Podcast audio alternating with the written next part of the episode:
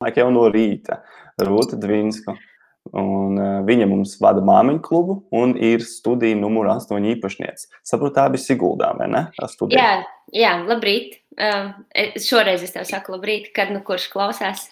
Sveiciens visiem. Jā, studija numur 8 atrodas Siguldā, Siguldas pils kvartālā. Ļoti skaistā, atjaunotā Siguldas uh, pils mūža sēkā ar pievienoto vērtību. Wow, wow, wow. Un, uh, tas ir tas, kā es tev pieteicu. Bet, ja cilvēki prasa tev, Rūta, ko tu dari? Kā tu parasti par sevi pastāsti? Uh, pareizi jau tur sacīja. Tā ir šī brīža aktualitāte, droši vien. Uh, bet uh, es teiktu, ka jā, es uh, studēju Latvijas Universitātes žurnālistikas fakultātē un jau studiju laikā uh, uzsāku darbu uh, televīzijā. Uh, Man bija jāatrod prakses vieta, es to veiksmīgi atradu Latvijas neatkarīgās televīzijas vienā no raidījumiem tā brīža. Un tā es tur paliku pēc prakses. Cītīgi centos tiešām ar visiem spēkiem sev pierādīt, lai tur arī paliktu. Tā arī bija. Noslēdzošajā prakses dienā es parakstīju līgumu par darbu. Tas bija 2010. gadā. Tā kā šī gada rudenī apritēs desmit gadi, kopš es esmu televīzijas gaiteņos dažādos formātos, dažādās izpausmēs, dažādos projektos, raidījumos un tā tālāk. Un, jā, kas viss ir novedis līdz tam, ka loģiski šajā brīdī es esmu vēl aizvien saistīta ar televīziju, kas ir māmiņu klubs, bet pēc divu bērnu piedzimšanas nu, šis bija tas droši vien loģiskais turpinājums, lai televīziju savienotu kopā ar manu šī brīža dzīvi. Jā, jūs tikai skatījos. Um, Nu, pat, pat, kas ir, pirms mēs ejam tālāk, kas ir interesantākais, ko tu desmit gados pamanījusi strādājot televīzijā? Pamanījusi, vai nu tieši nu, vai darījusi? Nu, tā, tā netīšām, kas tev liekas, ka wow, kā tas kaut kas tāds, jā. Nu, tāds interesantākais, ko tagadīšanās, kas bijuši. Savu vīru. Tas tā sagadījās televīzijas gaitiņos, netīšām. Hopā, pamanīju, aprecēju. Um, Tas bija tā mērķiecīgi? Zini, nu, tā gluži nevar teikt, bet uh, galīgi bez mērķa arī nē. Uh, jo tad, kad es viņu vispār pamanīju televīzijas gaitiņos, bija tā, tajā brīdī uh, Latvijas neatkarīgā televīzija atradās Elīzes ielā 17, un, uh, un, un mūsu tas uh, viss izkārtojums bija tādā lielā L veidā, tā kā divi gaiteņi. Es sēdēju L burta vienā galā, kamēr Kaspars pavisam otrā. Viņš strādāja ziņu dienestā, es strādāju. Ko mēs saucam par producentu galu, jau izklaides tajā visā industrijā. Un, un mēs principā nesatikāmies. Un tad vienā brīdī kāda no kolēģiem šķiet bija pamanījusi, ka tur redzēja to smuko džeku montāžā.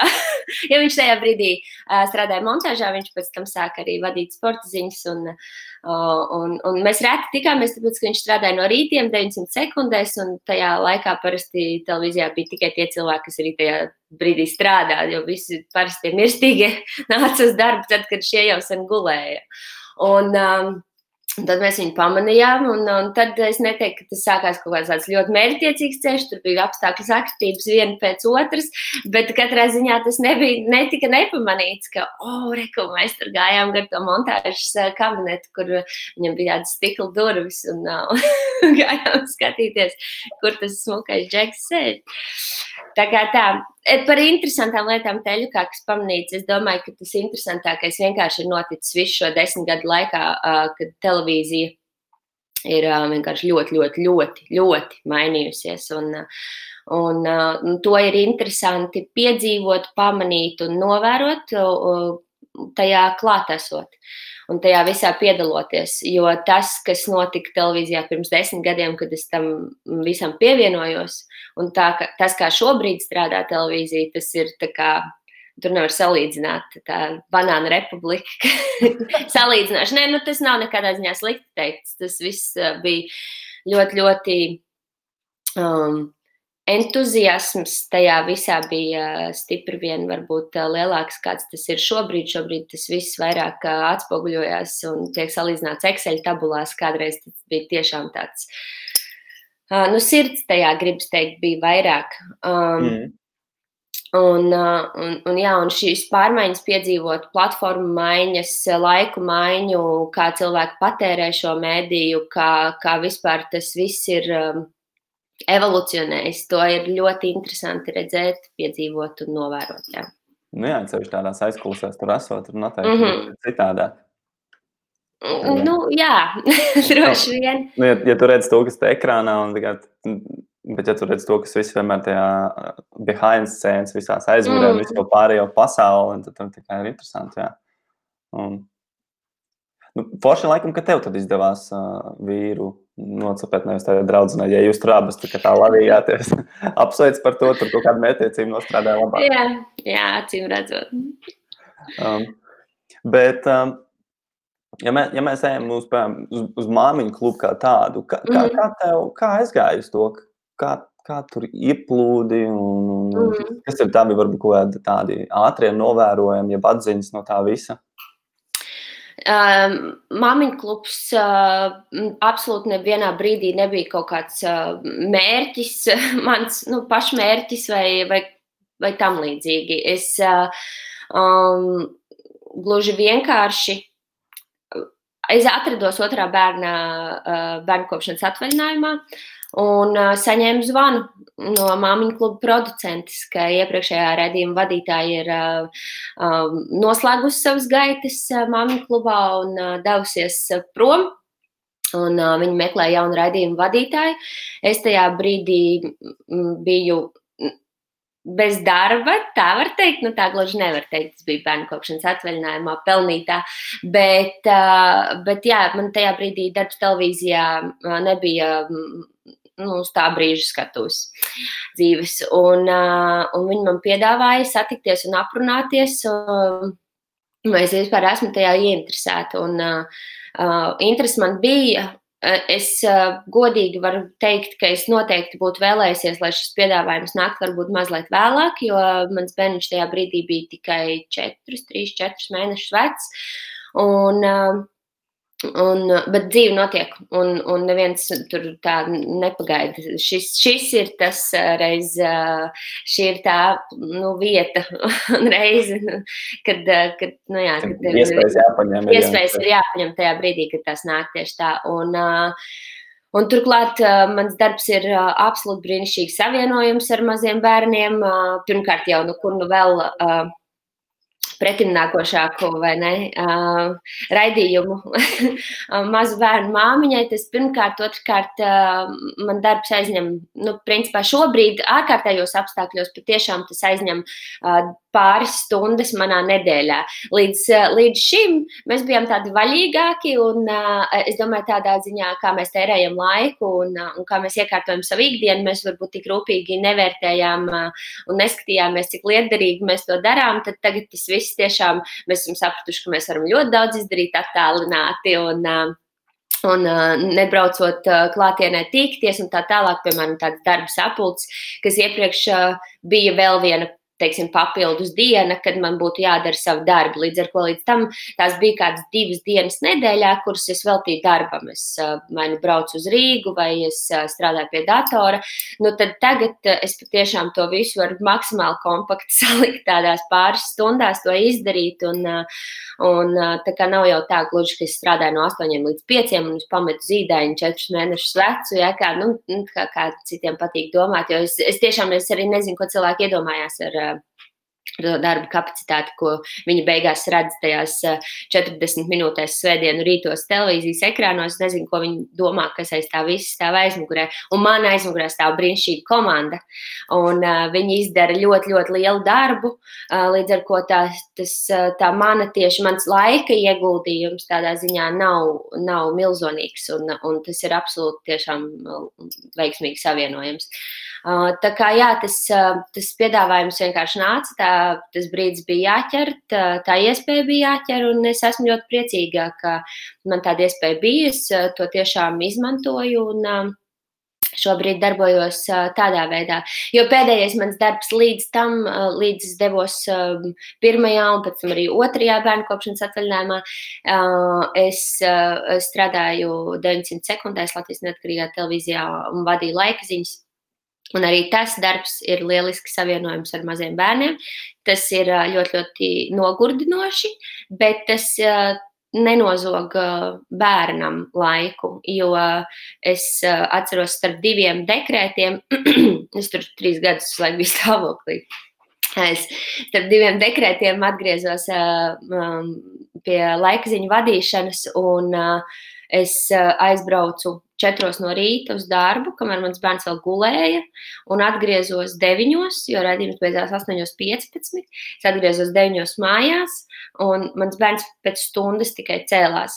Līdz ar to viņa vispār nepamanīja, ka es esmu atgriezies darbā. Jā, es pamanīju, protams, nu, savā tādā noguruma pakāpē brīžiem. To es centos tur pa dienu arī iet ar viņu reizē pagulēt pusdienas laiku un tā, jo tas darba ritms tiem rīta cilvēkiem tas ir duls, tur to visu nespēj, tas ir tiešām, tas ir smags tāds pārbaudījums.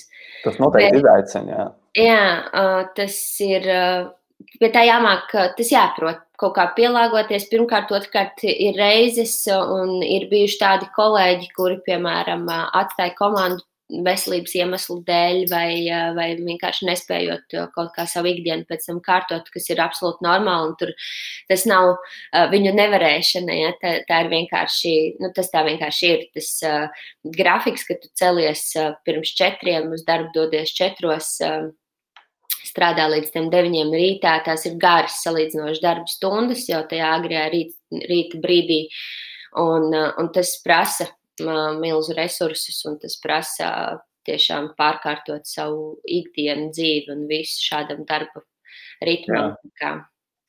Kā tev tagad? Es paskatījos tev Instagramā, ir kaut 20 tūkstoši sekotāji. Mm -hmm. Domāju, cik daudz no tiem cilvēkiem, jo cik daudz ziņas tu ikdienā saņem no māmām, no māmiņām? Mm, daudz.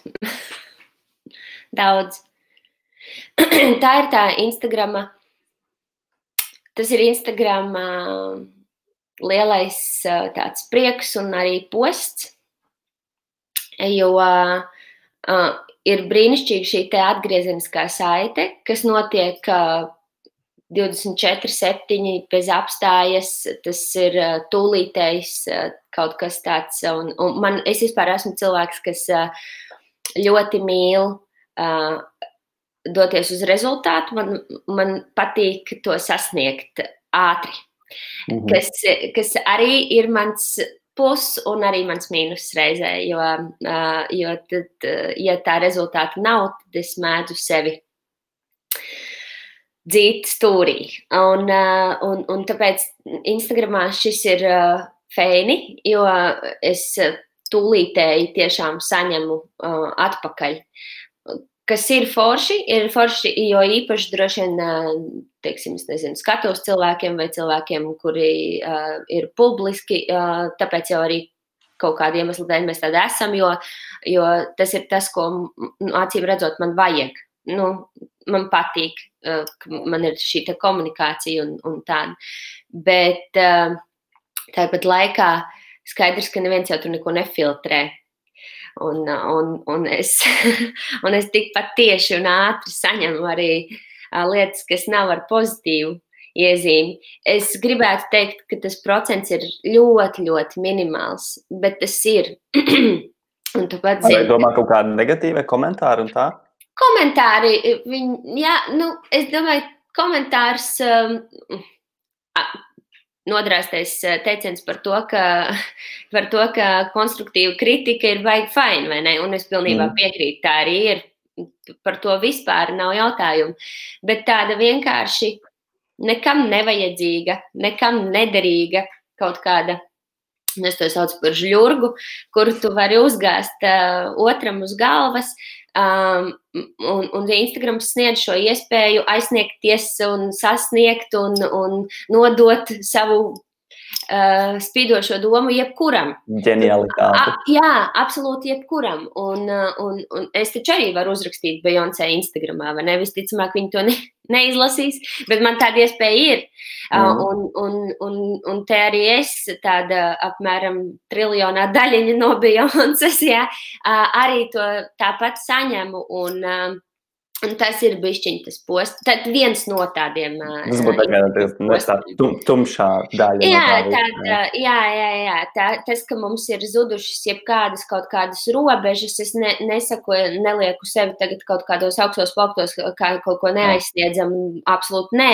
Mēs nerunājam par jeb... klīrību tādu. Jā, jā nē, nē. Bet jebkurš cilvēks, arī, arī tu vienalga, vienalga, vai tev ir 5 vai 55 tūkstoši sekotāju, tu esi sasniedzams. Un, un, un katram ir kaut kas, ko viņš vēlas. Nu, ne katram, bet lielai daļai cilvēku ir kaut kāda, nezinu, vēlme darīt zināmu kaut kādu savu viedokli citkārt. Un, un, un tā, tā ir tāda lieta, um, kuru ar kuru ir jātolerē ikdienā, un, un es, es, es, es to mācos. Un Instagram, es domāju, tādā ziņā māca arī mani. Uh, bet tāpat laikā es vienmēr esmu teikusi, es neesmu piecīts, es visiem nevaru patikt, un, un es arī necenšos. Es absolūti uh, saku, ka no manis var dabūt pretim arī, un, un man par to nav arī nekādu nekādu sirdsapziņas pārmetumu. Es varu uzrakstīt arī, kā es domāju, jo, mm. jo arī tās tieši tāpat kā tavs, tās ir arī manas tiesības, vai ne? Ja mm. tu gribēji padalīties, lūdzu, es arī varu padalīties. Tāpēc eh, to, to es esmu jau, jau kādu laiku jau sen sapratusi, ka, ka tas man arī kaut kādos brīžos tā kā uh, nomierina. Vai, piemēram, es nezinu, tur kaut kāda tiešām tā žļorga, blok, viss, delete, čau, uz redzēšanos, un man tajā brīdī ir tāda fuh! laba sajūta. Un, uh, un man, man nav tam jāpievērš uzmanība, un man nav tagad nekādā veidā ne sevi jāattaisno, ne tam cilvēkam jāpalīdz kaut ko saprast. Tās, tā nav man darīšana. Vai interesanti, mēs paņēmām tādu tā tumšo pusi no sociālajiem tīkliem. Jā, jā, jā. Nē, bet es teiktu. Instagramā laikam tā ir kaut kāda jaunā funkcija, bet es nezinu, vai mums Latvijā ir pieejama. Kad mēs varam, ja kāds komentē kaut ko nu, no šīs tumšās, jeb žļurgas puses, ir iespējams uzlikt kaut kādu iestatīmu, kad uh, šis cilvēks joprojām var komentēt, un viņiem rādās, kā viņš visur komentē, un ka viss ir, bet ah, neviens to vairs neredz. Kaut kas tāds, laikam, bija. Tur tas mhm. bullying, pret bullying, kaut kāda izdomājuši viņa tur to funkciju, laikam. Okay. Jā. Jā, es nezinu, es neesmu tādu funkciju izmēģinājis. Es saku, tas procents ir tik niecīgs, ka, Jā. ka tā nav ikdiena un, un tas ne, nenotiek tādos apjomos, lai es tā dēļ mestos, nezinu, kaut kādos jā. tādos krasos, nezinu, sevis tur nu jā, čakarēšanas. Jā. Un es vienkārši domāju, noteikti tev ir ļoti daudz raksta un prasa kaut kādus padomus par konkrētām tēmām.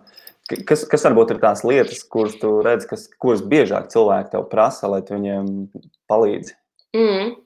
Uh, mammas vispār ir dula, viena dula auditorija.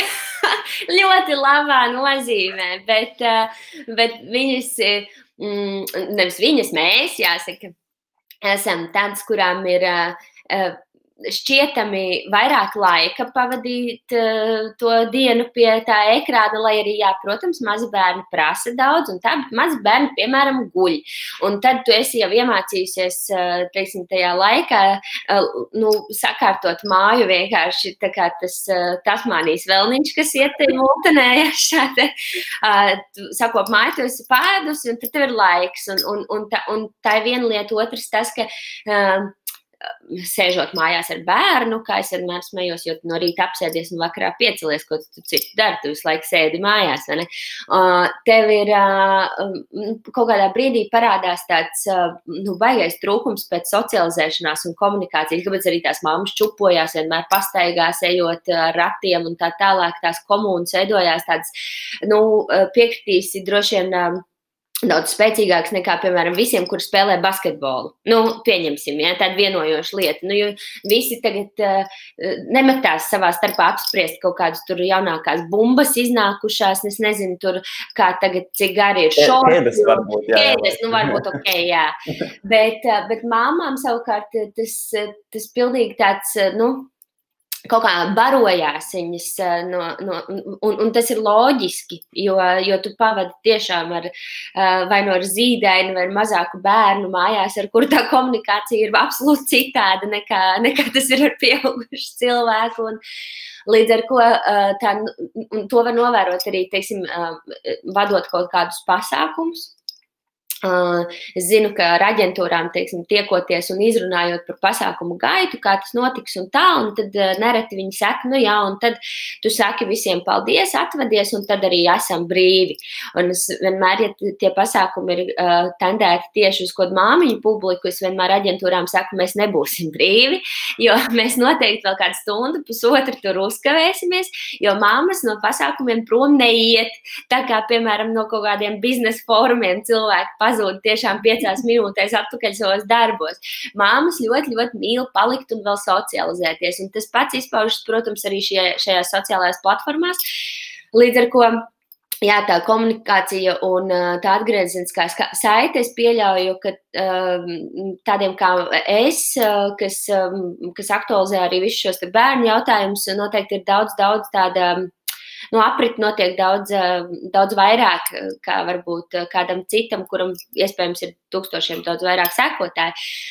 Eh, jautājumi lielākoties ir par, nu, par, par to, kas ir aktuāls bērniem noteikti. Kāpēc es izvēlējos šo vai to, kā es darīšu tā vai šādi, kādēļ es nevedu savu bērnu uz bērnu dārzu, kādēļ, kad viņš ies uz bērnu dārzu, kādēļ man ir rati ir tādi, vai es varu ieteikt to vai šo. Tāds ļoti praktiska informācija droši vien ir tas, ko no manis sagaida, kuru man savukārt ir uh, nevis grūtāk sniegt, bet uh, man vienkārši šķiet, ka tā ir mazāka pievienotā vērtība. Tas noteikti ir vērtīgi un tā, bet, zin kā, tu vari vienmēr uzrakstīt direct message un pajautāt, kāpēc izvēlējos šādus vai tādus ratus. Tāpēc es, es baigi maz uh, komunicēju par tādām lietām, kuras. Uh, Nu, ne, nezinu, aizgāju, nopirku, atradu lapu, so jā, forši. Protams, arī tas ir. Labi, bet, ripo. kas tad? Tikai labi ripo. Jā, jā labi ripo. Jā. Uh, bet, uh, bet man, man liekas, ka tāda lielāka pievienotā vērtība ir um, kaut kādam tādam emocionālajam, uh, mentālajam stāstam tajā visā, kurus cenšos arī dot un, un sniegt un būt tiešām atklāta. Un, un, jo es ticu, ka tajā brīdī mazāk varbūt tai bildē ir komentāru, jo cilvēki mazāk vēlas, um, vēlas to savu stāstu uh, izlikt uh, visiem redzamu un tā. Bet es domāju, ka tas ierezonē daudz vairāk un, un aizkustina daudz vairāk un, un sniedz daudz vairāk tādas kaut kādas atzīšanās un, un manas uh, izdošanās, vai tieši pretēji uh, kaut kas, kas uh, nav izdevies. Jo, jo mm, mammas un tie scenāriji, protams, ir miljonus un tik dažādi, bet tāpat laikā mēs kaut kādā ziņā līdzīgi izējam tos. Uh, nu, emocionālos stāvokļus. Un es pieļauju, ka tas arī ir tas, ko viņas meklē un forši kā atrod. Jo, un, un, un tā, tajā brīdī man šķiet, tiešām šī platforma ir baigi, baigi tāds uh, liels labs un liels atbalsts arī. Uh, jā. Jā. A, a, ko tu ieteiktu, piemēram, ja mēs skatāmies tīri tagad, nu, tādu māmiņu klubu kā tādu? Mm -hmm. Es domāju, ka noteikti ir kādas, kur, kuras domā, ka, ai, ko tad es tur? Vai jā, ko tad es tur pievienošos, vai ko es tur uzbāzīšos, vai kaut kas tāds. Kā, Tā kā man, man sūtīt ziņu? Jā, varbūt, varbūt ja ne pat tev tieši, bet vispārīgi tā kā tāda māmiņu kluba kā tāda, varbūt uzprasīties vai kaut ko pašai. Tad... Oi, par māmiņu klubu man gribas teikt, māmiņu klubs eksistē 15 gadus. Uh, un māmiņu klubs nav televīzijas raidījums vien uh, svētdienu rītos uz 40 minūtēm. Māmiņu klubs ir milzīga, liela organizācija, kas tiek pārstāvēta visās trīs Baltijas valstīs, un, ja es nekļūdos, tad arī kaut kāda daļa. Um, es par šo tiešām varu kļūdīties, kas notiek Krievijā, bet es zinu, ka tepat pie mums Latvijā saturs ir pieejams arī Krievu valodā, tikpat bagātīgs kā latviešu.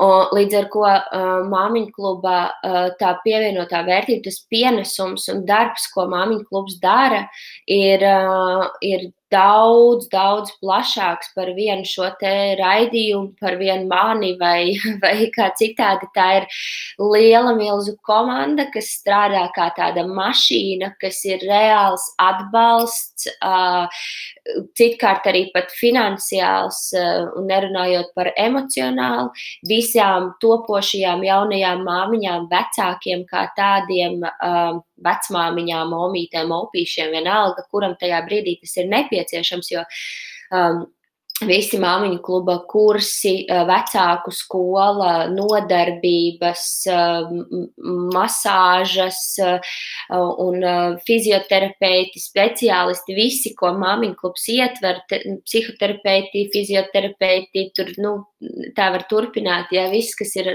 saistīts ar bērniem, vecākiem. Uh, tas viss ir eh, tik liels, kaut kas tāds eh, tiešām un ārkārtīgi nepieciešams tajā brīdī, kad ģimenē ienāk tas eh, mazais un vai viņu gaidot. Es domāju, tur kaut kāda kautrība vai doma par to, ko es vispār te uzbāzīšos, ko es tur tam visam pievienošos, ir pilnīgi lieka. Uh, tas vienkārši, es, do, es domāju, ka tie vecāki arī tāpat pat neuztver un nedomā, ka viņi vienkārši droši sirdi uh, arī paļaujas un, un pareizi dara, jo Māņu klubs tiešām pārstāv visas, visas vērtības, kuras, kuras ir aktuālas, kurām, kuras, nu, kuras vienkārši ir vērtības. Ja? mm -hmm. un, um, Un, un tajās arī cilvēkam uh, palīdz uh, jā, uz tām balstīti visi, visi, visi mūsu, jā, kā es sacīju, kursi, nodarbības un tā tālāk. Tā kā, tā kā kaut kādai kautrībai tur. Es domāju, ka tā kautrība varbūt pieslēdzās tajos brīžos, kad kāds grib sazināties tieši ar mani. To gan es, es esmu arī ļoti, ļoti daudz saņēmis šādas vēstules, ka es ilgi domāju, ko, ko vai kāpēc man te rakstīt vai rakstīt, bet tomēr nolēmu uzrakstīt. Tad es vienmēr priecājos, un paldies Dievam, ka tu nolēmi man uzrakstīt, jo īpaši, ja jautājums ir tiešām tāds, tāds kaut kāds, nu, kurus jūtu, ka ka vajag un var palīdzēt, un, eh, un es nenodarbojos ar eh, palīdzību no savas puses. Ja, tur es neesmu, man nav ne tādas izglītības, ne, ne man ir vispār kā, nu, tādas tiesības, bet, bet man ir informācija un man ir pieejami kontakti un tā tālāk speciālistiem. Un, mm. un, un, ja tiešām ir tāds satraukums, es esmu saņēmis tiešām arī ne, nemaz tādu vēstuli, kur meitenes raksta, ka manai māsai vai manai draudzenei šobrīd uh, tur iet traki, teiksim, ar zīdēni, un mēs visi esam nobežījušies, kas un kā un ko. Un, un, un tajā brīdī, ja tu tiešām saklaus tādu un salas tādu trauksmi mazliet, un, un, un saproti, ka, nu, ka jā, ir jāpalīdz. Un, un, un tā, tā kā Jā, tā kā es domāju, ka tā kautrēšanās un doma, ko tad es tur, tad tā ir saistīta tieši varbūt ar manu personīgu komunikāciju ar mani, nevis, nevis ar māmiņu. Nevis vispārīgi, jā. Mm, jo māmiņu klubs strādā kā, kā strādā. Atbaldi, tas, tas ir skaisti dzirdēt. Um, man patīk, ka tu pieķēries pāris uh, vietām par palīdzības meklēšanu. Mm -hmm. Jo tas bija viens no tiem jautājumiem, kas man arī uzrādījās, skatoties mūsu 5. martā. Bija viens ieraksts, kurš tā ļoti stāv stāvēja man liekas, vienā telpā. Un tur bija tāds, ka hashtag, uh, tur bija psihoterapijai, jā. Ja mm -hmm. nemaldos. Mm -hmm. Un tur bija diezgan kārtīgi aprakstījusi par to, ka beidzot arī pieņēma lēmumu mm -hmm. arī iet uh, pie profesionāļiem. Jo, mm -hmm. jo cilvēkiem ir mīti visādi par psihoterapiju, par psihologiem. Nav runā. Oh, jā. Jā. Un viņš te mīti tik nenormāli daudz, un cilvēki nesaprot, ka uh, citreiz pie viņiem iet tāpēc, ka tev jau ir labi, bet tu gribi lieliski. Vai kā mhm, mhm. citādāk. Un es domāju, kā, kā tu nonāci pie tā lēmuma, un vēl pēc tam tā, nu, tā paziņoja, ka jā, pieņēma lēmumu. Un... Mm. Tā arī laikam bija. Man, es tiešām es nebiju sasniegusi kaut kādu tādu brīdi dzīvē, ko es varu nosaukt par krīzi vai par, par kaut kādu depresiju vai absolūti melnu, dziļu ārprātīgi zemu punktu, no kura tagad man jārāpjas uz augšu. Bet es jūtu, ka es nespēju pati vairs saviem spēkiem sakārtot savu galvu. Un, un, un, un, un tur droši vien mans darbs un man ikdiena vienkārši tā likumsakrīgi pie tā noveda. Es, arī kā man terapeits saka, man ir divas šīs te tādas jomas, kuras ir ļoti grūti salāgot. Un viena ir tā, Rūta, kur ir ar maziem bērniem mājās un, un runā bebīšu valodā un liek LEGO klučus labākajā gadījumā, sliktākajā, nu ne sliktākajā, bet vienkārši ikdienā. līmenī, jā, dažādos līmeņos. Jā, ikdienā vienkārši vāra putrus un mazgā dupšus. Un, um, un otra ir mana darba, darba puse, kur man gribas kaut ko cēlu loģiski, jo mājās, jo mājās tas viss notiek nu, primitīvāk, nav nekā cēlāk un iespaidīgāk par bērnu audzināšanu, pilnīgi noteikti, bet tāpat laikā, tad, kad tas notiek, nu, kad, kad ikdiena notiek, tad uh, tur nu, tas cēlums beigas tāds, nu, tāds viedums nepieslēdzās. Ja? Tā 24, 7, es domāju, nav klātesoši. Tāpēc man darbā un, aiz, un, un vispār nu, jā, savā tādā kaut kādā personības izpausmē gribas aiz sevis atstāt kaut ko, kas ir paliekošs, kas ir vērtīgs, kam ir, nu, kam ir tāda lielāka pievienotā vērtība mm, un, un ko tiešām, nu, ko es varētu um, sev definēt kā kaut ko tiešām tādu cēlu. Un, um, un tāpat laikā mans darbs ir ļoti gaistošs tas parādās, pazūd. Nu, tas redzējums parādās, pazūd. Ja? Un, mm -hmm. ok, labi, protams, mūsdienās tas saglabājās visās platformās, tur dažādās versijās un tā, bet, eh, bet tāpat laikā tas ir tas arī tāds maziņš tāds traucēklīts eh, varbūt te visā, kāpēc man, es neesmu izdevusi, piemēram, grāmatu, kur tu vari pašamdīt, aptaustīt, paņemt rokā ir, ja mans darbs tomēr ir uh, tur ekrānā, un tad viņš vienkārši nav vairs ekrānā. Un, līdz ar to Šis tā grūti salāgojās manā galvā, es sāku par to daudz domāt. Tad tāda likumsakarība, eh, es, man bija jāintervē mm, antropologs mm, un, un, un, un, un jā, tāds filozofs Vents Sīlis no Rīgas Tradiņu universitātes profesors. Un, mm, un tad pēc viņa sarunas jau man šķita, ka es esmu, nu, ka tā galva kūp Un, uh, un, un viss tur vārās, maļās iekšā, ir ārprātīgi sakustināts.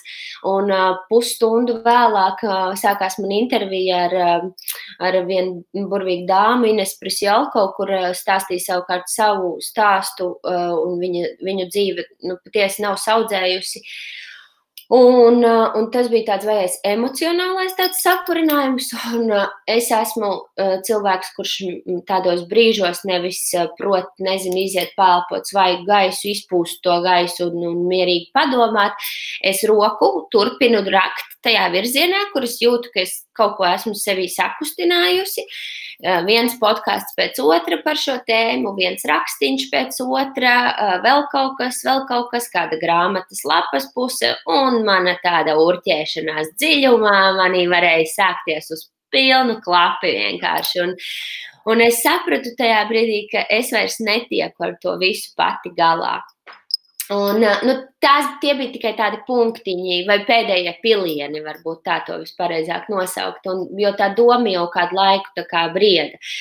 Un, un, un skaidrs, ka katram dzīvē ir kaut kādas savas būšanas un nebūšanas. Un, un gribas tās izprast, un sap, sakārtot un saprast, un, un saprast, kā veiksmīgāk to izdarīt. Un, Tas bija absolūti loģiski. Uh, tajā brīdī, kad es sapratu, man ir jālūdz palīdzība. Un, uh, un, un es, es vienmēr esmu teikusi, ka, manuprāt, palīdzības lūgšana nav nekāda vājuma izpausme. Tur gluži pretēji. Tas, uh, tas parāda to, ka tu esi pietiekami spēcīgs, lai varētu atzīt, ka tā palīdzība ir vajadzīga. Un, un ar tādu arī domu es devos pie savas terapeites. Uh, Un, uh, un uh, viņai šo visu stāstot, nu, pirmās tur tās reizes tiekoties, parasti ir vienkārši šādas iepazīšanās un saprašana, kas un ko un kā, un tad, uh, un tad tiek izstrādāts tas pieprasījums terapijā, ko tad mēs vēlamies sasniegt. Un, un jā, mans pieprasījums nebija, lai mani kāds izvelk no dziļas krīzes vai no depresijas. Mans pieprasījums bija dzīvot labāk. Un, un, un, Un jā, tāpēc, tāpēc, un, tāpēc un, un tie aizspriedumi patiešām, kā tu saki, ir, Tie ir, es domāju, ka tas diezgan ļoti mainās uz labo pusi, un tāpēc arī man liekas svarīgi arī man, piemēram, par to runāt. Jo um, Un, un lūk, mans piemērs, ja es nebiju nelaimes čupiņa savākt kaut kur sabrukusi uz ielas, kura tagad ir jāārstē, bet, bet es dzīvoju savu, nu, šķietami ļoti veiksmīgo vai ne ikdienu un dzīvi, bet es gribēju labāk. Un, Un tāpēc, tāpēc es ceru, ka tas arī ir par piemēru citiem, un, un šie aizspriedumi kaut kādos brīžos nu, tiešām brūk. Ja zini, es biju vienu reizi pirms jau laba laika piesēdusi pusdienu pārtraukumā uh, vienā no Rīgas kafejnīcām, un man blakus apsēdās uh, tēvs ar meitu. Meita bija apmēram manā vecumā, un uh, viņi, mēs, tad nebija aktuāla sociāla distancēšanās, līdz ar ko mēs bijām diezgan tuvu viens otram klāt, un, un vienkārši tur nevarēja nedzirdēt, es nenoklausījos, bet nevarēja nedzirdēt viņu kaut kādas atslēgas frāzes sarunā. Es turklāt vēl mēģināju strādāt pie datora, bet tāpat es dzirdēju, ko viņi runā. Un uh, tur meitene gatavojās kāzām. Tam tētim bija ļoti daudz visādi ieteikumu, ko viņa ar mammu gribētu, lai viņa dara citādi. Un vēl tur bija ļoti daudz bažas un šaubas par viņas izvēlēto līgu. Vai nu man jau tas viss šķita vienkārši ak, ak, ak, ak, ak ko tu dari, tēti, tēti, tēti, nedari tā, jo izklausās tiešām traki. Un, un, tad, un tad punkts uz īņa bija tas, ka um, tā meitene teica, ka viņa iet psihoterapijā. Un, uh, viņš no sākuma to noklausījās, bija tāds klusums. Viņi kā turpināja runāt tā, it kā viņš nebūtu šo frāzi dzirdējis, un tad pēc kāda laika viņš atgriezās, atgriezās pie tā, sakot, um, nu, un mēs ar mammu arī domājam, tagad, jā, un kāpēc tu ej? Nu, ka, un kas tev ir par vainu? Nu, un kāpēc tas jādara? Nu, nu, un, un, viņš, un, un es sapratu, ka tiešām cilvēkiem var būt uh, mm, kādu paudzi pirms mums ir vēl lielāki aizspriedumi. Jo, jo mūsdienās, man liekas, jau nu, vairāk, vairāk šo pieņem kā tiešām iespēju, nu, kā saka, dzīvot labāk, nevis, nevis kā kaut ko, kas ārkārtīgi ārstē, nu, lai arī jā, tas ārstē. Mm. Bet, bet tad es sapratu, ka manu vecāku paudzē tiešām liekas, ka tas ir nu, tā ir tvaiķene, principā. Un, jā, radikāla arī, domāšana. Jā, jā, un man arī mājās nācās kā, ar vecākiem um, vai, nu, pārunāt, nu, negluži pārunāt, bet nu, jā, nu, nokomunicēt šo, ka es, es tagad man ir terapija, un uh, nedēļā reizi es būšu stundu, tur braukšu uz Rīgu, jo man ir terapija. Un, un, bet tagad es jūtu, ka mana mamma, piemēram, kad es atgriežos, viņa jau ļoti, ļoti tā pieņemoši jautā, nu, kā tev šodien gāja, ko jūs runājāt, un, un, un tā, tā kā viņai arī šī interese jau ir radusies, un, un es pieļauju, ka viņa jau to man vaicā ar tādu tālajošu domu par to, ka viņa varētu arī varbūt šo piekopt, mm. un, un tas ir super. Bet, nu, jā, tajā brīdī tā saruna, kas notika pie blakus galdiņa, es ļoti, ļoti spilgti saklausīju un saredzēju tos aizspriedumus un Mm -hmm. Jā, tas ir izaicinoši. Bet es domāju, daudzi labprāt gribētu, bet viņi, viņiem nav pat tā iespēja kaut kā izmērīt to ūdeni. Piemēram, nu, tavai mammai viņi tikai var papras, paprasīt tev. Mm -hmm. Tad tur tikai, ok, un tad viņi tikai dzird, paies gads, un viņi, ok, labi, varbūt arī jāaiziet. Bet mm. cits jautājums, kā tu atradīji cilvēku, pie kura tu gribēji? Mm, jā, un šis būs galīgi nepopulārs, un es nevienam ar šo nepalīdzēšu. Jo, e, jo man arī man jautā, arī pēc tā ieraksta, man jautāja daudz meitenes par, um, par manu terapeitu. Man pirmkārt jāpajautā viņai vispār, vai es varu tā dalīties ar viņas kontaktiem un teikt, kur kur un kā viņu uzmeklēt. Ja tas ir viens, kāpēc es arī tā varbūt atklāti neuzrakstu. Mana uh, terapeita ir vārds, uzvārds, telefona numurs, ja saziniet. Jā, tas nav obligāti. Nē, nē, jā. nē, nē, es domāju, nevis tagad, bet nu, vispār, piemēram, tādā ierakstā vai kādā storijā, jo to jautājumu par to, kur es dodos, bija ļoti, ļoti daudz. Uh, bet es publiski ar to nu, nevaru dalīties. Un, uh, un, un savukārt, tas, kā es pie viņas nonācu, es uh, sazvanīju vienkārši savu bijušo kolēģi Ainu Pošu, un es teicu, Ainīt, ir lieta, lūdzu, palīdzi. Un uh, es viņai izstāstīju, ko un kā es vēlos, um, kādas ir manas ieceres, kāda ir lokācija, kuras apmēram vēlos, uh, vēlos pie sava pie sava terapeita doties.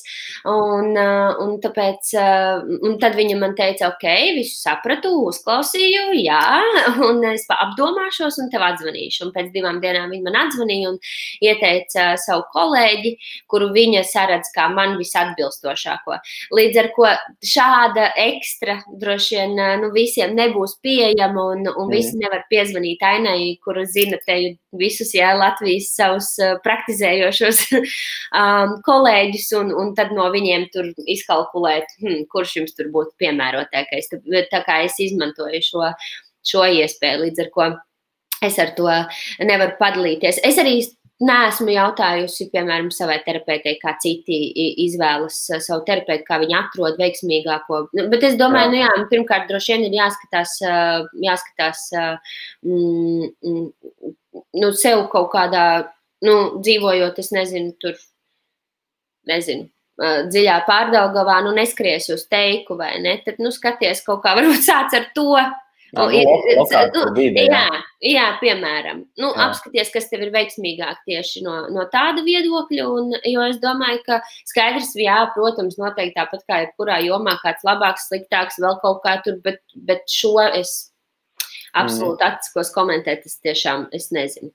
Jā, jo arī nu, Agnēs ir šeit tas pats. Redzu, jā. Jā, viņa arī mm. man ir interese. Bet grūti saprast, pie kā doties, jo piedāvājums es, es, jā, jā, es tā varu iedomāties, bet man, man godīgi sakot, tiešām. Es, es, tas, ko es noteikti varu ieteikt, uh, ir painteresēties visos um, krīzes centros, un, un, jo īpaši, ja mēs runājam, piemēram, par jaunajām māmiņām, tad, uh, tad centrs Līna, Marta, Mm, un visi šie skalbs, laikam, vairāk ar kādiem atkarībiem. Es, es tiešām. Ja es arī šo ne, nezinu, tos profilējošos virzienus, kādos kurš centrs tur tieši mm, darbojas, bet, bet es domāju, ka tas varbūt ir tas, kur sākt meklēt, mm. uzrunāt tos speciālistus. Viņi noteikti zinās, un, un, un tā. Jā, vienkārši man arī pašam aktuāls, tāpēc, ka nu, es studēju psiholoģiju, tā joma mm -hmm. ar vien vairāk. Un... Un tad varbūt tu vari labāk palīdzēt, varbūt tu zini savus. Un es tieši tāpēc lēnām arī apzinu visus, es, ka savācis esmu datubāzi, un es lēnām tagad centīšos pa vienam vienu, tagad tos praktizējušos apzināts. Gribu nu, tāpat hey. zināt, kas, kur un kā un ko tu vari, un kas tev patīk, kas tev mm -hmm. kādiem cilvēkiem tu palīdzi, un tad kā tāda tā kā izveidot arī lēmumus. Zini, man vēl ienāca prātā. Um, Veids, kā varbūt var notestēt sevis izvēlēto kaut kādu speciālistu. Tagad šādas uh, sarunas, kā mēs ar tevi šorīt runājam, uh, ir pieejamas un tiešām daudz uh, un dažādās platformās daudz uh, kaut ko līdzīgu nodarbojas. Un, un tur nereti tiek aicināti arī terapeiti uz sarunām. Noklausieties, vai tas ir podkāsts vai šāda video saruna vai kā, ja jūs esat, piemēram, nezinu, ievēlējušies kaut kādu vienu savu speciālistu, nu nav obligāti zvanīts, ka viņš būs tieši aicināts kādreiz kādu sarunu, bet varbūt vienkārši paskatieties, kur ir tie speciālisti, kuri tiek aicināti uz sarunām, noklausieties un sapratīsiet, ir klikšķis, nav, jo nu, tas gan ir baigi būtiski. Ir jāaiziet, bet tas būs jebkurā gadījumā tu izvēlēsies to, uz kurien Jā. tu doties. Vispirms tu aizies un sapratīsi vispār, vai tu to cilvēku vari skatīties stundu no vietas, vai tu ne, varbūt nevari izturēt, kā viņš smāražo, kā viņa kabinets izstāsta. Nu, vienalga, vai ne? Tur taču tik daudz komponents, protams, un tāpēc tas ir ļoti, ļoti būtiski. Tā kā pirmā tā iepazīšanās reize, un, un es domāju, ka vismaz man terapeiti tieši tā arī darīja. Pēc pirmās reizes man vēl jautāja, mēs turpinām strādāt. Pēc otrās reizes vēl tā jautāja. Nu, tā kā, uh, jā, jā, jā, tas. Um, Um, tas, mm, es uzreiz papildināšu visiem tiem, kas klausās gan tagad, tiešraidē, gan arī vēlāk. Uh, jūs varat droši arī rakstīt man komentārus, pēc tam, ja ir kaut kādi psihoterapeiti vai psihologi, kurus jums interesē dzirdēt arī sarunās, jo nu, es, es tāpat mm -hmm. es ar viņiem laika gaitā tāpat tikšos un ja ir ieteikumi, labprāt, ar vienkārši ātrāk viņus paņemt rindas kārtībā, un tad jums būs iespēja arī paklausīties no malas, jo šis ļoti labs Jā. Padoms no tevis ir par to vienkārši kaut kur atrast informāciju, kur tu viņus var redzēt un dzirdēt. Nevis Jā. tikai to smuko bildi uzvalkā, kur katrs stāv vai kaut kā tā, bet uh, nu, kā, kādi viņi ir. Tas visticamāk ir uzņemta 2005. gadā iegūstot certifikātu, no tā laika nav mainīta viņa internetu mājaslapā. Nu, jā, jā, tā kā es ā, noteikti, šis ir foršs veids, man liekas. Es, piemēram, tā um, totāli iemīlējos vienas uh, arī psiholoģi, man šķiet, viņa ir praktizējošā, bet es varu kļūdīties balsī, jo es viņu klausījos vienā nu, šādā podkāstu versijā. Man viņa, viņa gan profilē, nu, viņas profils ir kā kaut kas, kas manā, manā gadījumā nederēja, bet es varētu viņā vienkārši klausīties un klausīties. Un, un, nu jā, un brīnišķīgi. Es, es, piemēram, viņu noteikti izvēlētos, ja, viņa, ja viņas joma būtu mans eh, problēma jautājums. Nu, tā, Jā. tā kā jā, to es, piemēram, um, Mums ir No- Laura, tad paldies par jēgpilno nodrīgo sarunu. paldies, Jā. ka tu klausies, Laura. Jā, paldies, ka tu komentēji, jo atgriezies Jā, arī. vienmēr ļoti svarīgi. Paldies. jā, tieši tā, paldies. Um, pirms mēs ejam tālāk, mentāla veselība ļoti svarīga. Un man tāds ir mans viedoklis, es vienkārši cenšos lēnām cilvēkiem stāstīt, ir kā no slikti uz labi un no labi uz lieliski. Tas, kur Mhm, mēs katrs esam, tā kā, ir, um, ir vērts par to padomāt. Bet ir tāds cit- citādāks jautājums, ir, un man viņš patīk, uh, kāpēc tu nepadodies? Jo ir viegli padoties. Mm -hmm. Tas ir man šķiet vienkāršākais. Ne? Nu, Nu, Tikai jāsadzīvo pēc tam ar sevi. Bļāvākais. Jā. Zini, es domāju, ka mana um, pārliecība par sevi un uh, jā, tieši pārliecība par sevi un uh, šī vēlme nepadoties, um, jo vēl jo vairāk, kā tas bija pirms tam, piedzima līdz ar pirmo bērnu, un pēc tam vēl jo vairāk līdz ar otro bērnu. Un es domāju, ka sievietei tas ir uh, jo īpaši izteikti, tas tiešām sajūta mm, par to, ka tev ir tāda baigā aizmugure. Un, un, un kaut kas vairāk, kas stāv pāri visām problēmām, visām neizdošanās reizēm, visam, kas uh, iet ne tā. Jo tu zini, ka, uh, ka tev ir tie, nu, tas tā varbūt. Uh, Nezinu, ka, man tā grūti paskaidrot, bet mēs šo runājām arī ar aktrisi Ilzi Čuzulas krastiņu. Ka tajā brīdī, kad uh, sieviete rada to turpinājumu sev, uh, atnāk tāda nu, divreiz taisnāka mugura. Uh, un, un, un tev viss pārējais uh, iegūst tādu mazāku nozīmi, paliek sekundārs, jo ir mazliet lielāka jēga ko tu jau esi kā, um, radījis. Un viņu dēļ, protams, um, nu, tur nav vispār par padošanos, nav runa. Tā, bet tā ir, vien, tā ir viena lieta, un, un bērni ir šis um, nu, baigākais jā. motīvs, jā, doties uz priekšu. Uh, bet ir skaidrs, ka ne visiem viņi ir, un, un arī ne visiem viņiem ir jābūt. Uh, bet, bet tas, kas vienkārši ikdienišķi, uh, ja, ja neskaitu šo lielo, uh, man tiešām aizmugurs sajūta bērnus, man liek uh, nepadoties uh, un darīt, ir uh, laikam tas, ka man ir ļoti grūti sadzīvot uh, ar, uh, nevis ar neizdošanos, bet uh, ar, ar to sajūtu, uh, nu, ka es varētu, bet es kaut ko, piemēram, nedaru. Nu, vai vai, vai pat, pat, pat neuzņemos. Jo pa lielam jau tad, kad tu sāc darīt, uh, sanāks. Ok, nesanāks tas, šis vēl kaut kas ceļā, visādi akmeņi pa ceļam. Bet, bet ja tu dari, tu jau esi divreiz labāks par to, kurš nedara. Um, tādēļ um, padoties vienkārši laikam nekad nav bijis uh, manā mm, to-do listē. Tikai repertuārā, jā. Jā, es pat, bet, bet zini, es pat tam neesmu tā īpaši atsevišķi pievērsusi uzmanību. Un, un tagad, kad tu man jautā, man par to jādomā, bet lai es tā ikdienā domātu, nu, lūk, man, piemēram, es nezinu, tur. Mm, es, es tagad pa- špaktelēju savu priekšnamu. Un ar pirmo reizi man tās rīķis plāksnes, nu, tur viss ir baigi šķīvi, un man nesagāja viss tas. Un, un, un, un tad, kad tas nesagāja, nesagāja es sagaidīju, ka nokā, sakalst un es mauču to špakteli vēl vienreiz, jo es pat tajā brīdī nedomāju, ka man te kaut kas nesanāks. Es vienkārši domāju, es izdarīšu līdz kamēr man tas sanāks. Nu, tā, nu, es pat tādu tā kā domu nepieļauju. Mm. Uh, es, cits stāsts ir par to, ka es apzinos lietas lietas, kas man nesanāks. Nu, man, piemēram, dziedāt, nu, nesanāks, un tur neko nevar darīt.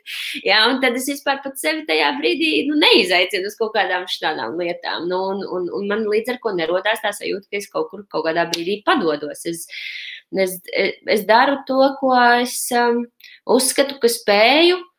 Kaut vai, kaut, vai, kaut vai tā sajūta, ka spēju ir tik niecīga, bet ja viņa jau ir, sanāks. Hmm. Nu, tā es kaut kā laikam domāju. Okay, tas tas ir tāds izaug, izaugsmas skatījums, tas visam ir. Kā ļauties kā apaugt, kā, tam kļūdām ļauties un, un tad uzlabot līdz beigās tas rezultāts. Ir. Ja mēs tā nu, nu, jā, jo, jo nu, turpināšu par savu priekšnamu. Es, es gaidot pirmo bērnu, visu šo māju remontēju, nu, protams, ar papildus spēkiem un tā. Um, bet, uh, bet, ja es to nebūtu darījusi jau iepriekš, es taču tagad nezinātu, kas man, piemēram, kā man jāapstrādā plogu ar to sietiņu, ir, uh, piemēram, savienojums stūrīši. Ja es nebūtu jau tam gājis vienreiz cauri, un, uh, un, un tāpēc, nu, lūk, spilgts pierādījums. Nu, pirmajā reizē droši vien arī nesanāca. Tagad jau nu, normāli. Nevajag kādam priekšnamos būvēt. Brīvos brīžos. Bet, nu jā, nu tāda tā doma, jā, protams, tas ir tas, ir tas kas. Tas, kas māca, nu, tas ceļš. Un, un, jā, mhm. jā. Ja mēs pakāpjam pussoli apakaļ, tad mums no Agnēs arī jāļauj ieteikums. Ir, um, dzirdēt eksistenciālo, psihologu Marku Jermaku. Jermaks. Nu, tas, es domāju, ka tas uz tevi. Jā, tas, tas laikam mani vairāk šajā gadījumā. Um, okay. nu, tiem, kam nav bērni, meklējiet citas motivācijas, kāpēc nepadoties. Es, es vienkārši šo jautājumu uzdodu, jo um, kaut laiku atpakaļ man bija tāda tendence, kad es redzēju ir, ir, ir kaut kādi cilvēki, kuri ubago, un viņi neizstāsta tikai rītīgi. Mm. Ir tikai ubagi arī vairākos līmeņos, un tad ir tie, kuri pastāsta, kā, kāpēc mm -hmm. tu te esi. Un es ik pa laikam viņus uzaicinu uz vienkārši tāpat uz kafijas pauzi. Vienkārši es viņus izstāvēju mm. tāpat. Tā kā, arī. Un es viņiem jautāju, kāpēc viņi, kur viņi, kāpēc viņi ir tur, kur viņi ir. Un tad bieži cilvēki vienkārši būtībā izteikts tāds žests, ka ē, tur nevarēja to, tur attiecības, tur tas, un vienkārši tikai met visu nost. Mm -hmm. Es sapratu, ka, ka tāda tā kā, padošanās ir izteiktāk tiem cilvēkiem, kas tur uz tās ielas ir. Un tāpēc man interesē, kāpēc nepadodies. Tad tā, tāpēc, tā, nu, turienes tas jautājums nāk no tā, ka es uh, ubagotājs intervēju. Es tagad, jā, es tagad tevi klausoties, arī saprotu, ka laikam man ļoti, ļoti patīk tā izdošanās sajūta, un kuram gan tā nepatīk, vai ne? Un, Un, un tas ir līdzīgi, ka mēs dzīvojam uz, uz tā, tādam tam adrenalīna kaut kādiem tiem uzplūdiem, kurus mums patīk kā, saņemt ne, un just. Un tāpat arī es jau zinu to izdošanās sajūtu. Es jau tev sarunas kaut kur sākumā vidū teicu, ka es esmu uz, mē, uz iznākumu tendēts cilvēks. Un, Un man patīk, man, ir, man vajag mērķi. Un, un es domāju, tādā ziņā es esmu ļoti Uh, uh, paklausīgs šī laikmeta uh, personāžs, jo man patīk darboties projektos, un, jo man patīk redzēt sākumu un noslēgumu. Ok, varbūt nedefinētu tur tajā, tajā datumā, bet, bet vispār, nu, ka tas ved uz kaut kādu kā, rezultātu, un, vai arī to projektu saskaldīt tādos mazākos kaut kādos izdošanās brītiņos un projektos un, un uz to doties. Un, un man Un, un tas ir svarīgi. Man ir svarīga jā, tā sajūta, ka man sanāca. Un, ok, šitam liekam punktu, dodamies uz nākamo solīti. Un, tāpēc man patīk, piemēram, um, remontēt pašai savu priekšnamu. Man patiks tas brīdis, kad es redzēšu, kā tas izskatās. Man patīk. Man patīk, man bērnībā arī patika likt puzles. Es redzu, ka tagad manam, piemēram, vecākajiem bērnam tas patīk. Man patīk sataisīt to bigger picture un, un Un tā dzīvē ar visādām tādām lietām. Es dodos uh, tajā projektā ar mērķi, un man jāredz tas rezultāts. Un, un, jo ātrāk, jo labāk, un tas ir slikti. ja, kā es teicu, tas galīgi nav man, nu, plusiņš man, bet ar to es strādāju. Es cīnos, un, un, un tāpēc es esmu iesākusi jā, tos garākos ilgtermiņu pro, projektus sadalīt tādos mazākos solīšos, lai man nav tā sajūta, ka, ka tas ir kaut kas tik tālu, neaizsniedzams, vēl nedod Dievs uzrādīsies pa vidam, tā sajūta, ka neizdosies un padošos. Ja? Tāpēc es saskaldu to un dodos, ok, šis solis, darīts, ejam uz nākamo, darīts. Tā, bet man mm. vajag to sajūtu, ka ir tas darīts. Un mm. mērķis ir sasniegts. Ja reiz mēs tik tehniski piegājām pie mērķa sasniegšanas, varbūt mm. tu vēlēsies padalīties, kā tu viņus sastāvi priekšā. Tu izmanto klādi, Trello, mm -hmm. Google kalendāru. Ko, ko tu izmanto, lai tu turētu mm -hmm. tevi fokusā? Oi, man nav te blakus, man ir mans vecais plānotājs. Es atradīšu tūlīt kādu savu to-do listu. Es rakstu to-do listas. Es bez tām nespēju, nemāku, nevaru. Es vienmēr esmu tā darījusi. Un uh, tad Lūk, tā izskatās mana to-do liste. Piemēram, tas ir kaut kāds, tur, nezinu, 11. Eh, februāris kaut kad dzīvē, ja? mm -hmm. bet tur ir. Uh, kur tur, tur ir viss uh, strīpiņā, un tad tiek mm. aplī, apvilkts aplītis apkārt lietai, kas ir izdarīts. Ļoti okay. daudzas no tām lietām ceļo no tās dienas. Nē, es apvelku. -hmm. okay. Un ļoti daudz no tām lietām ceļo no tās dienas, tu dūlīstas uz nākamo, nākamo, nākamo. Viņas var ceļot arī mēnesi. Ja, tu ne, vienā brīdī negriez laukā? Jā, tad, kad viņām ir jau, es nezinu, kā to sauc, iztecējis termiņš, tad okay. es izliekos, ka tāda lieta nav bijusi. Un e, e, es viņu neesmu izdarījis, es viņu neesmu, ne, neapvilkusi, ne, un vairs arī nepārakstu, jo tas ir jau zaudējis aktualitāti. Tā Jā. arī ir. Un, uh, un tās nav kaut kādas tādas fundamentāli svarīgās lietas, bet nu, kaut kas, kas būtu nu, baigi forši, piemēram, vai ne? Un ar, ar ko es, par ko es ar sevi lepotos vai priecātos. Tad jā, bet, bet jā, bez šādām te un uz papīra uzrakstītām, citreiz tās top arī kaut kur telefonā notos, bet um, tas ir tad, ja es esmu kaut kur pa ceļam, man akurāt tiešām jāpieraksta un jāatcerās. Un, un ir tādas lietas, piemēram, es nezinu, es tur bērnam aizmirstu nopirkt D vitamīnu, un es aizmirstu jau mēnesi to, lai nedod Dievs, neklausās mans pediatrs. Un, un, un viņš jau mēnesi, piemēram, no saņēmis to D vitamīnu pilienu no rīta, tikai tāpēc, ka es aizmirstu vienkārši nopirkt. Nu, brīnišķīgi māte. Un, un tāpēc es nevaru nepierakstīt. Un, ja, ja tas būs pierakstīts, es apvilkšu to rimbulīti un es to atcerēšos. Tā kā, jā, jā, jā man šādi, jā. šādi notiek. Kādu klāstu izmanto? Tā ir kaut kāda parasta klādējuma. Nē, nē, tas, tas mans uh, plānotājs vienkārši tas ir pagājušā gada. Es viņam mainu tikai iekšķiņus, nu, vākus, ah. vākus atstāju vecos, un tad es nopērku jaunas iekšķiņas. Tā varēja izdarīt? Uh, jā, man ir Cloudberry plānotājs, manas draudzenes Lindas Čuzas radīts, un tad viņam tā var. Parādi palielies ar viņu, es nesapratu. Tikai, e, zini, bet man nav to vāku. Man ah, ir tikai, okay. Tā, tā ir vecā, ah. tas ir pagājušais gads, un viņam ir redzams tādas te. Ah, viņš tikai spirālītē. Jā, un tad izņem vecās iekšā ārā, un tajos pašos lielajos ādas vākos ieliec jaunā gada visu iekšā kalendāru un, un turpina dzīvot, un okay. zero waste, un, un, un tā. Kas viņa taisīja, kā teica, vārds uzvārds bija? Cloudberry, uh, Cloudberry saucas uh, zīmols, un viņu ir radījusi Linda Čuze. Linda Čuze. Es vienkārši pierakstīšu. Jā, oh, ar Lindu var aprunāties. Viņai noteikti arī būs forši ko pastāstīt. Viņai ir ļoti veiksmīgs šis zīmols, un viņa ir izveidojusi pati no A līdz Ž. Linda Čuzes. Linda Čuze, jā. Nu, redz, būšu ieteikusi tev. Komentārus ar visiem pārējiem. Mums arī no mājas šveiduks, viņai ir uh, Simple Face yoga, ja kas. Un arī bija tas saruna. Un viņa pierakstīja mm -hmm. komentāru par to nepadošanos. Ir, nepadošanās noteikti vecāki ielikt šūpulī. Es arī par, par šo esmu daudz domājis un pārunājis ar mīļajiem. Lai arī kā dzīvē veiktos vai neveiktos, tāpat tomēr ir satikti cilvēki, kas nepadodas. Kaut arī ar pieri sienā, bet nepadodas. Un padoties ir tiešām visvieglāk, un tas, un tas laikam ir gļēvi.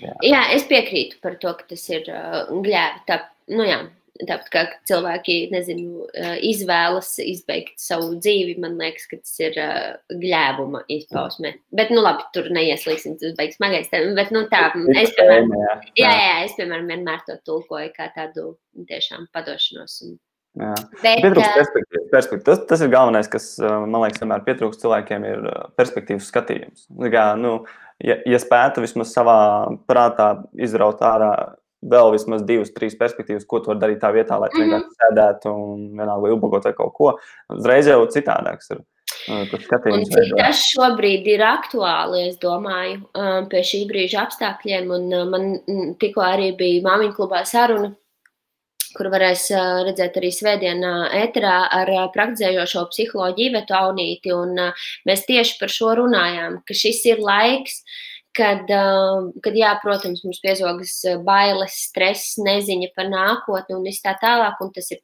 absolūti normāli, un lai nesaka kāds, ka viņam tā, šis sajūts jau nav viņu piemeklējušas, tas notiek ar katru no mums.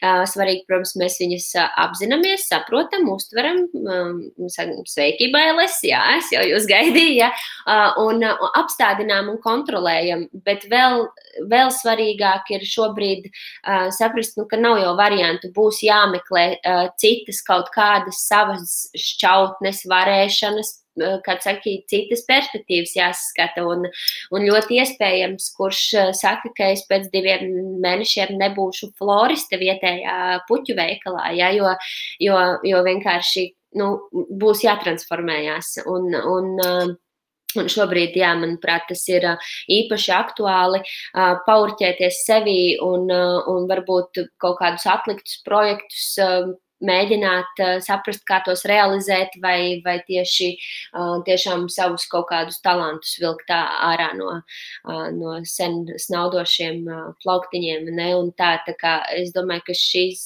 šajā brīdī uzvarētājs būs tas, kurš ā, atradīs vairākus tos redzējumus un tās perspektīvas.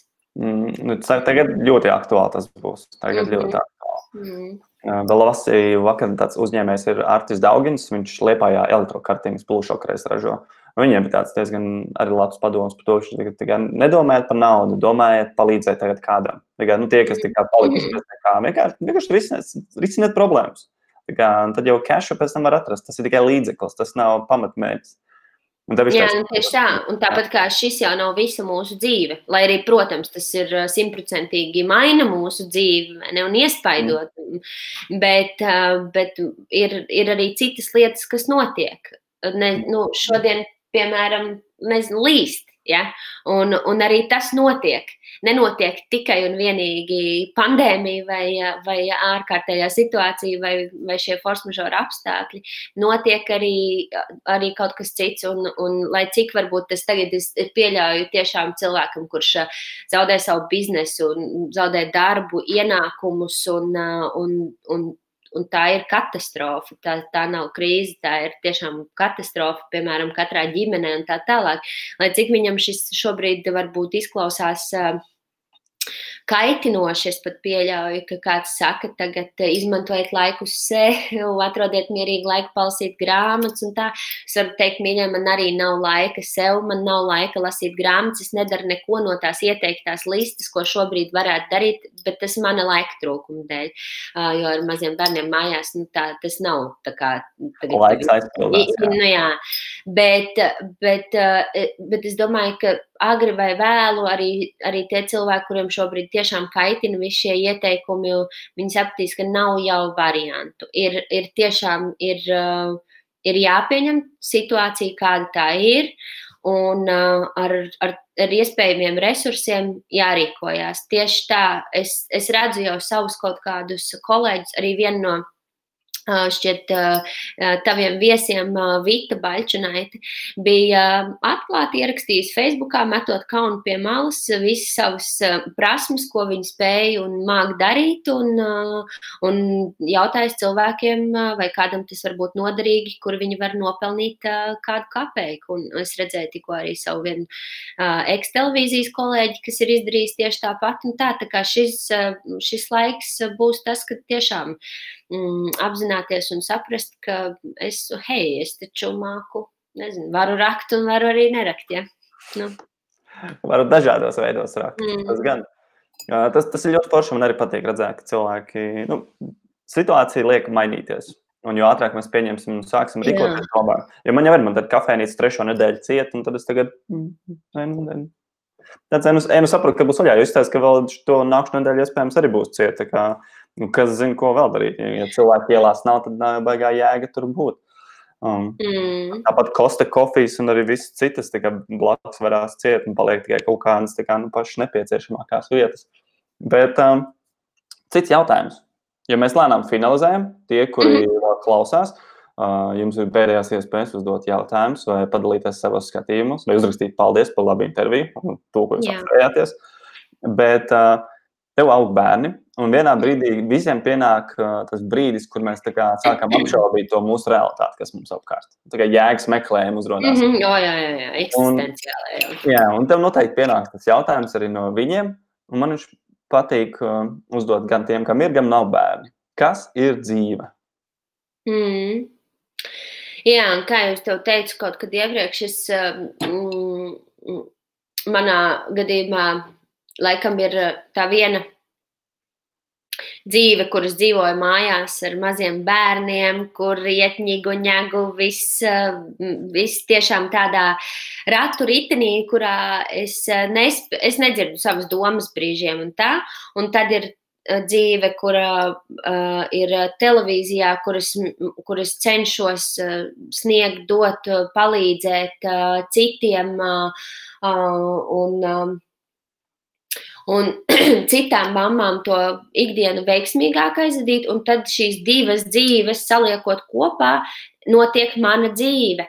Un, un, un, un tāpēc es domāju, ka tieši tik dažāda, tieši tik krāsaina, tieši tik neprognozējama reizēm. Um, mirklīga, nezinu, tvērama tāda, tā dzīve ir sajūta. Un, um, un nevajag, uh, es nezinu, es, es nekad neesmu domājis, un, un, un manī nav šīs kaut kādas pārdomas par, uh, par to, vai mēs šeit beidzam dzīvi, tad, kad mēs te beidzam dzīvi, vai viņi tur turpinās. Un vēl kaut kas skaidrs, zinu, ka es neesmu bijis neviens kaķis iepriekšējās dzīvēs, jo man vienkārši kaķi riebjas, bet, bet, tas, bet, bet man šķiet, ka tā mm, dzīve ir baigā iespēja, kura ir um, jārealizē, kamēr uh, tiešām, tiešām tev tā iespēja ir dota. Ko tu zini? E, varbūt, varbūt ir, varbūt nav pēc tam nekādas citas dzīves, vai ne? Bet šobrīd tā notiek. Un, uh, un, un skaidrs, ka to nevar piekopt 24, 7. Nevar dzīvot ar šādu pārliecību, ka ik mirkli tu tver un ķeri, jo mana dzīve notiek. Bet pēc iespējas.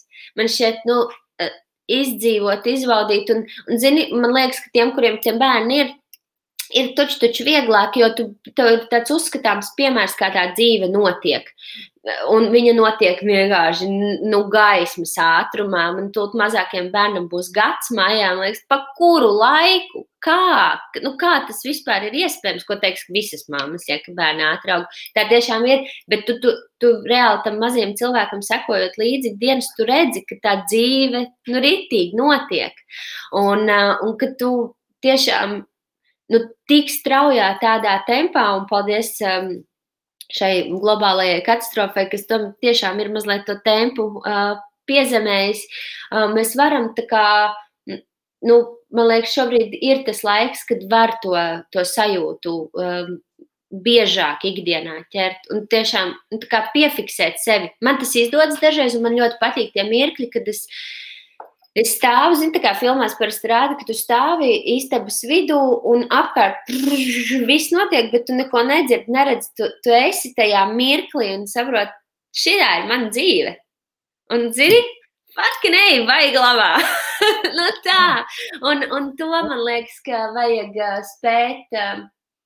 Spēt visiem nu, vairāk ikdienā varbūt praktizēt. Nē, nu, kādam strādā, kādam nē, bet, ja, kā, ja strādā, tad pēc iespējas vairāk tos mirkļus apzināties. Jā, to, jā.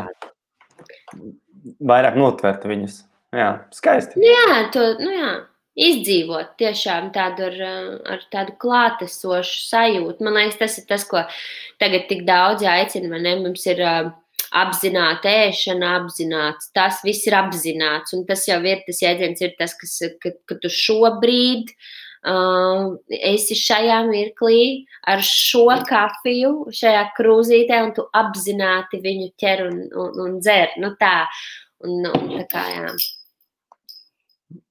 Reizes no mājas nāk rūta, un ir milzīgs prieks, ka tu pieņēmi māmiņu klubu izaicinājumu, jo tu tiešām tur iedaries. Lai ikdienas Jā. Ratu ritenī izdodas sadzirdēt sevi un noķert to savu sajūtu. Ķeram mirkļus. Sirsnīgs paldies tā māja. Jā. No visām pusēm. nu, es domāju, jā, nu, tieši tā arī ir tā dzīve, kas sastāv no tiem mirkļiem. Jā. Un, un, jā. Paldies. Okay. Un, Vēl pēdējās atziņas, ko tev nodot, kas ir kaut kas tāds, kas tev liekas, varbūt pašsaprotams, bet uh, daudziem cilvēkiem to vajadzētu zināt? Uf. Kas man liekas pašsaprotams, daudziem vajadzētu zināt?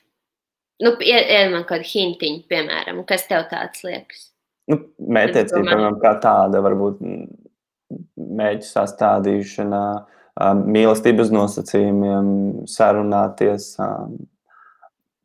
Veselīgs uzturs. Es vienkārši domāju, varbūt kaut kādas citas kaut kādas dzīves gudrības, kas varbūt tev liekas tā tādas jau pašsaprotamas, pēc kurām vajadzētu tā kā, tā kā dzīvot. Jā, zini, Laikam tad man jāatgriežas pie tās mūsu sarunas par Instagram un mazliet to žļurgu. uh, Negribas noveikt ne, nekādā ziņā uz sliktas nots, bet, uh, bet tas ir um, cilvēcība.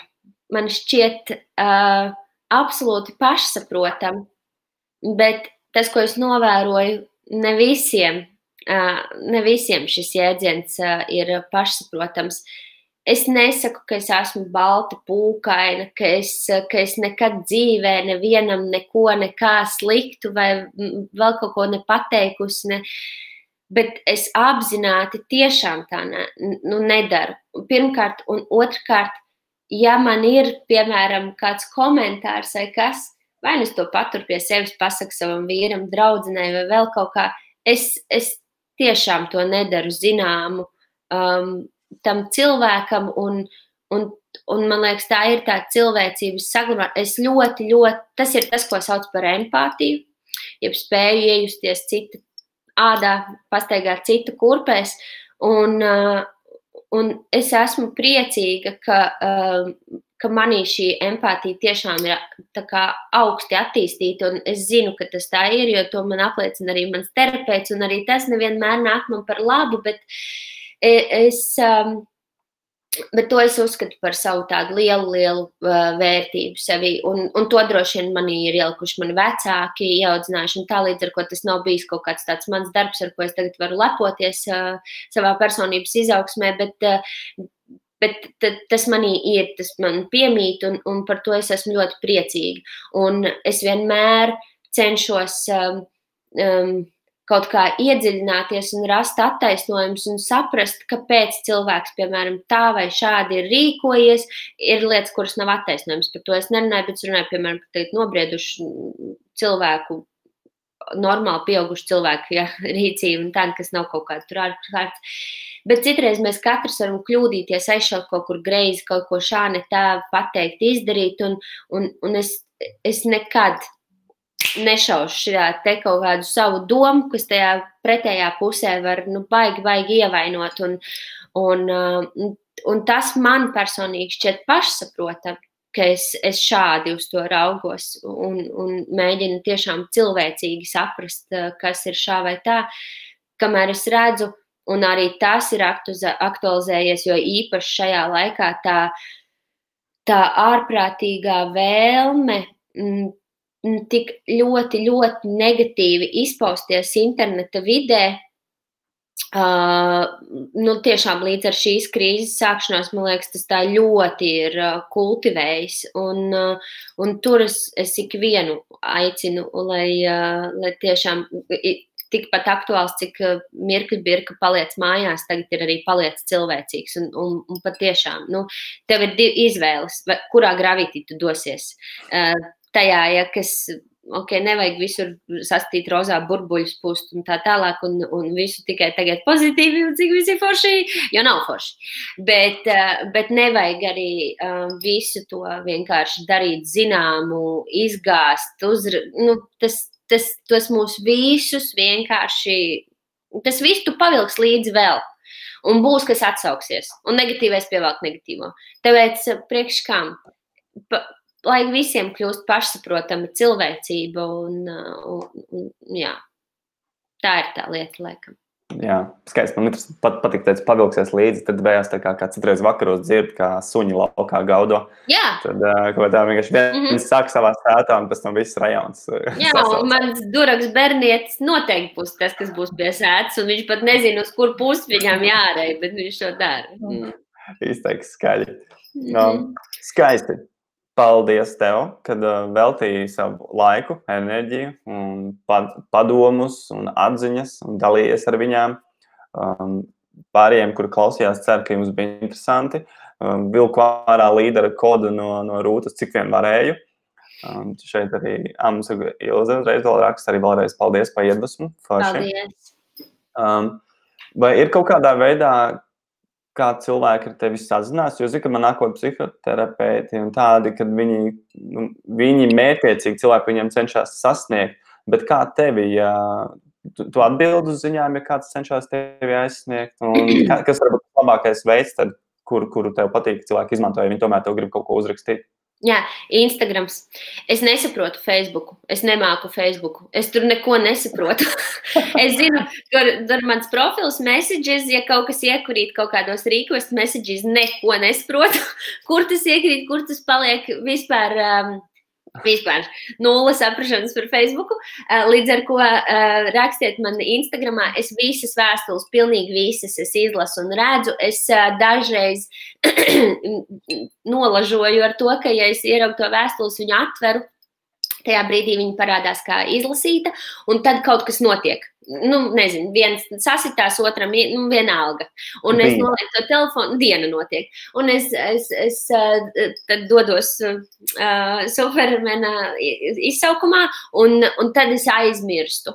Un, ja es aizmirstu un, un neatbildu, tad nevajag kaut reiz uzrakstīt vēl vienreiz, jo pa dienu, tiešām, kā mēs runājam, man atnāk viņas beig daudz tās vēstules. Ja es ielieku vienu storiju, un tur, piemēram, kaut kāda 60 reakcijas, tad tā vēstule, kur bija 61, ir nokritusi tur, nezinu, kur LR ratā, līdz ar to vajag uzrakstīt vēlreiz. Un tās, kuras es atstāju rīkvestos un uh, nelasu, tas ir tāpēc, ka es gaidu mirkli, kad man tiešām būs laiks apsēsties, atbildēt, izlasīt. Es, es ļoti, ļoti cenšos. Uh, pilnīgi uh, tiešām visiem atbildēt. Ja man galīgi nav ko atbildēt, uh, piemēram, par to, ka kāds man kaut ko grib uzdāvināt, un man tā lieta mm, nepatīk. Uh, bet es nevaru to pateikt, jo tas cilvēks jau ir divreiz labāks par mani, jo viņš to ir pats uztaisījis, un es, piemēram, to nemāku. Un, uh, bet, bet man īsti, es īsti neesmu atradusi to veidu un vārdus, kā viņam to paskaidrot. Tad es vienkārši atstāju tos to ziņu rīkostos, līdz tas message parādās deleted by the sender vai kaut kas tāds. Tas notiek pēc diviem mēnešiem. Šitajā es atzīstos, es vienkārši šito vēl nemāku nokomunicēt. Jā, tev vienkārši jādod rekvizīti kādai biedrībai, kur ir noziedot vai kaut kas tāds. Jā, bet ja cilvēki jau grib, lai es to lietiņu no, jā, parādu. Jā. Tātad, ja kāds grib vēl kur rūtu noķert atsevišķi, varat viņai rakstīt uh, vienkārši Instagramā. Tas viens mm -hmm. jā, jā, Facebook, jā. Facebook tikko arī apdeitojās, viņš tikko vēlreiz nomainījās. Var mēģināt, varbūt iet iekšā vēlreiz. Un, tad, tur viss, es paņēmu, tad, tad jauns dizains veidu un mēģinu. Es gāju uz Facebook marketinga kursiem, jo cik rozā tur vispār kosmos vienkārši priekš manis. Hmm. Excellent. Um, Paldies, ka veltīji rītu. Paldies kopā. tev! Paldies Jā. tev, ka tu uzrunāji. Ļoti jauki. Un paldies visiem, un, kas skatījās. Tieši tā. Un uh, nākšās sarunas, ko es zinu uzreiz pateikt, šodien man gan nebūs, bet rīt, rīt ir piecos, un sestdien mums arī ir vēl piecos. Tā kā vispār jau varat sekot līdzi. Es kaut kad saņemšos un ielikšu arī programmu internetā un tā. Bet mums diezgan daudz interesantu cilvēku gaidām arī vēl uz priekšu. Paldies tev vēlreiz! Mēs šodien arī finišējam. Šo pēc tam varēs redzēt arī YouTube, un tur ielikšu kā tādu arhīvu, lai viņš tur ir pieejams tiem, kuri meklē un nevar Facebook līnijās viņus tur atrast, kur kas ir bijis. Mhm. Es. Veiksmīgi visiem! Čau!